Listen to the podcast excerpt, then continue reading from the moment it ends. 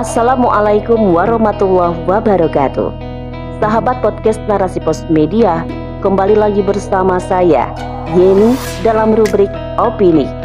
Berikut selengkapnya. Utang luar negeri terus menumpuk, sinyal stabilitas keuangan negara kian ambruk. Oleh Rufaida Aslami. Bisa dipastikan saat ini dalam sistem kapitalis keberadaan utang adalah suatu keniscayaan. Utang tidak bisa dilepaskan karena menjadi salah satu komponen untuk kemajuan ekonomi, baik taraf individu ataupun negara. Bahkan dalam sistem ini anggaran pembiayaan APBN diambil dari pajak dan juga dari utang. Utang yang dimaksud adalah utang luar negeri atau ULN. Kenapa harus berutang? Karena beranggapan bahwa utang ini adalah instrumen untuk menyelamatkan perekonomian bangsa, terlebih di kala pandemi seperti sekarang. Namun, apakah tepat pernyataan tersebut? Keberadaan utang sebagai upaya untuk menyelamatkan warga negara sebenarnya tidak berbanding lurus dengan kesejahteraan masyarakat dewasa ini. Keberadaan orang miskin saja di negara ini tahun 2021 mencapai 26,50 juta orang atau 9,71 persen. Sementara Badan Pusat Statistik mencatat jumlah angka pengangguran di Indonesia sebanyak 9,1 juta orang pada Agustus 2021.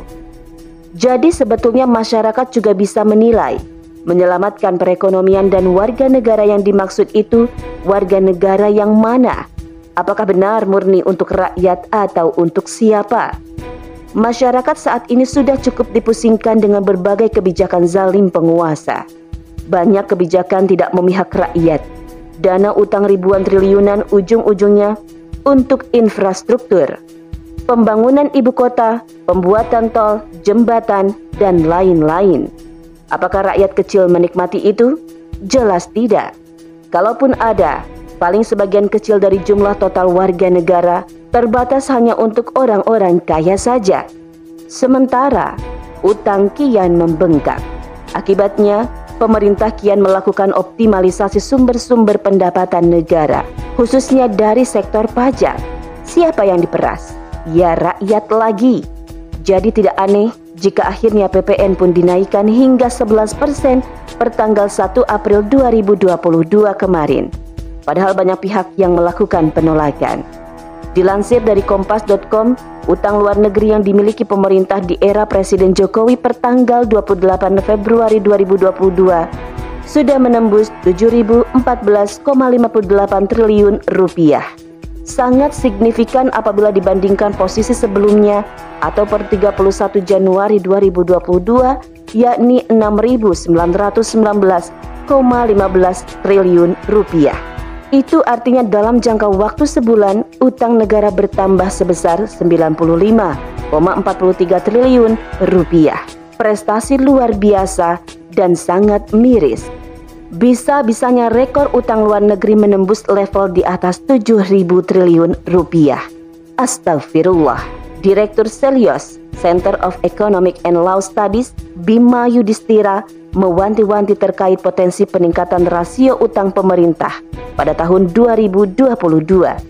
Dia memperkirakan rasio utang pemerintah terhadap produk domestik bruto atau PDB pada tahun ini bisa berada di kisaran 45% hingga 47%. Maka dari itu, Bima menyarankan pemerintah agar lebih bijak dalam mengelola utang, misalnya dengan menyusun skala prioritas belanja. Upaya terus dilakukan untuk memulihkan ekonomi pasca pandemi. Upaya yang dilakukan oleh banyak negara, tak terkecuali negeri-negeri muslim di sistem kapitalis, adalah dengan menggenjot sektor pajak juga menambah utang luar negeri. Padahal, kalau kita berkaca pada apa yang dipraktikkan Rasulullah dalam kehidupan bernegara, khususnya dalam melakukan praktik sistem keuangan, sangat berbeda dengan kondisi sekarang. Begitu juga para khalifah atau pengganti Rasulullah setelah beliau Shallallahu Alaihi Wasallam, mereka membuat baitul mal yang berbeda aktivitasnya dalam hal melakukan pungutan. Pungutan yang dilakukan dalam Islam tidak seperti kebijakan fiskal atau sistem pajak dalam sistem demokrasi sekuler sekarang ini. Dalam demokrasi sekuler, negara akan memangkas atau mengurangi pendapatan yang dimiliki oleh masyarakat. Sementara dalam sistem Islam, pungutan selalu mengacu kepada tingkat produktivitas. Dalam Baitul Mal kita kenal ada pungutan atas tanah yang disebut dengan khoraj, yaitu pungutan atas tanah khorajiyah. Islam tersebar ke wilayah itu dengan proses penaklukan terlebih dahulu. Ada unsur yang juga disebut dengan sistem zakat pertanian Kemudian juga ada sistem pungutan yang dikenakan terhadap pribadi-pribadi manusia yang dia tidak memilih untuk masuk Islam dan dia bertahan dengan agamanya disebut dengan jizyah.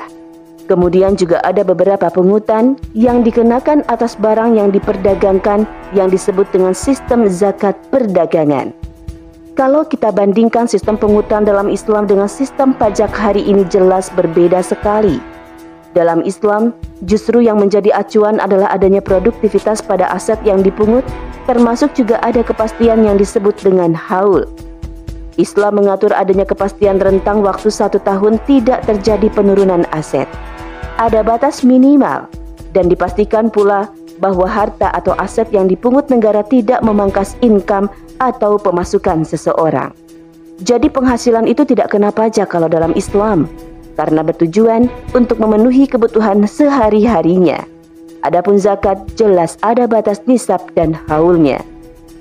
Sistem keuangan negara dalam sistem bernegara ala demokrasi selalu diselesaikan dengan dua pilihan saja, yakni pertama, mengambil utang yang menggunakan sistem riba.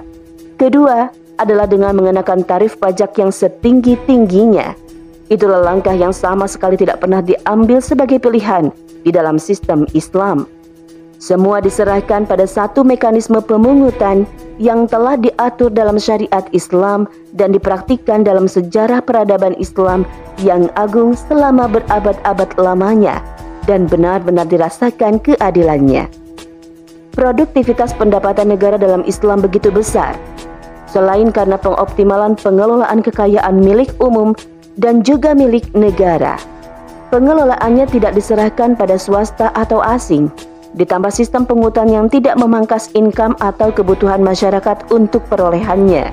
Inilah sebuah sistem yang sempurna dan tidak bisa ditandingi oleh sistem pungutan fiskal mana pun. Begitu juga dalam hal sistem keuangan negara. Maka akan kita lihat keunggulan sistem Baitul Mal ini, yaitu kemampuannya untuk mengelola keuangan negara dengan sangat baik, efektif, dan efisien negara bisa dikelola tanpa tingkat pembiayaan yang tinggi. Berbeda sekali dengan sistem demokrasi sekuler hari ini. Peradaban kapitalisme dalam membiayai keuangan negaranya membutuhkan pembiayaan yang sangat tinggi dan juga boros. Sementara Islam dalam hal pengeluarannya akan memperhatikan tingkat urgensinya. Kebutuhan pokok masyarakat akan diutamakan Sementara untuk pembangunan infrastruktur akan dilihat dari sisi skala prioritasnya. Dalam Islam banyak biaya yang bisa dipangkas. Semisal tidak ada tunjangan jabatan, biaya untuk kepentingan pribadi, berbagai operasionalnya banyak yang justru nihil biaya. Karena posisi seorang pemimpin dan rakyatnya bukan hubungan tuan dan majikan, atau ajir dan mustajir. Tapi seorang pemimpin dia adalah pelayan sekaligus pengayom umat sehingga seorang pemimpin dia tidak akan mengambil yang bukan haknya selain dipenuhi kebutuhan pokoknya saja. Misal, tidak akan ada istilahnya anggaran untuk gorden rumah dinas senilai miliaran rupiah.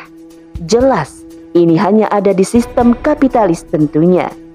Dalam pengelolaan keuangan negara, maka mentalitas para pejabat sistem Islam akan mengedepankan sikap takwanya dia senantiasa menyadari bahwa segala sesuatu yang digunakan dalam operasional negara adalah berasal dari harta umat yang nantinya akan dipertanggungjawabkan di hadapan Allah Subhanahu wa taala.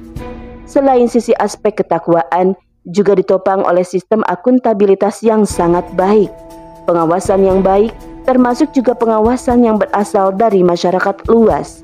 Amar ma'ruf nahi munkar akan dikedepankan.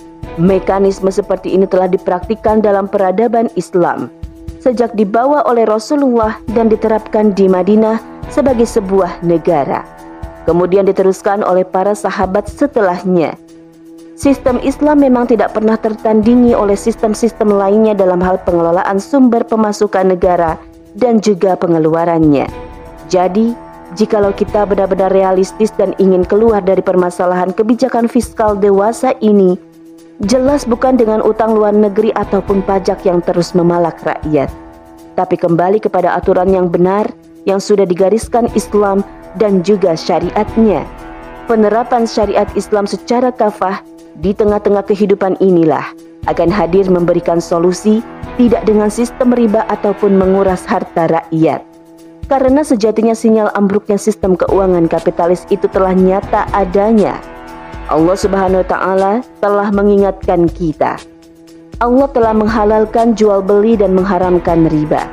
Orang-orang yang telah sampai kepadanya larangan dari Tuhannya lalu berhenti dari mengambil riba maka baginya apa yang telah diambilnya dahulu sebelum datang larangan dan urusannya terserah kepada Allah. Orang yang kembali mengambil riba, maka orang itu adalah penghuni-penghuni neraka, mereka kekal di dalamnya. Quran Surah Al-Baqarah ayat 275 Wallahu a'lam. Narasi pos, cerdas dalam literasi media, bijak menangkap peristiwa, kunci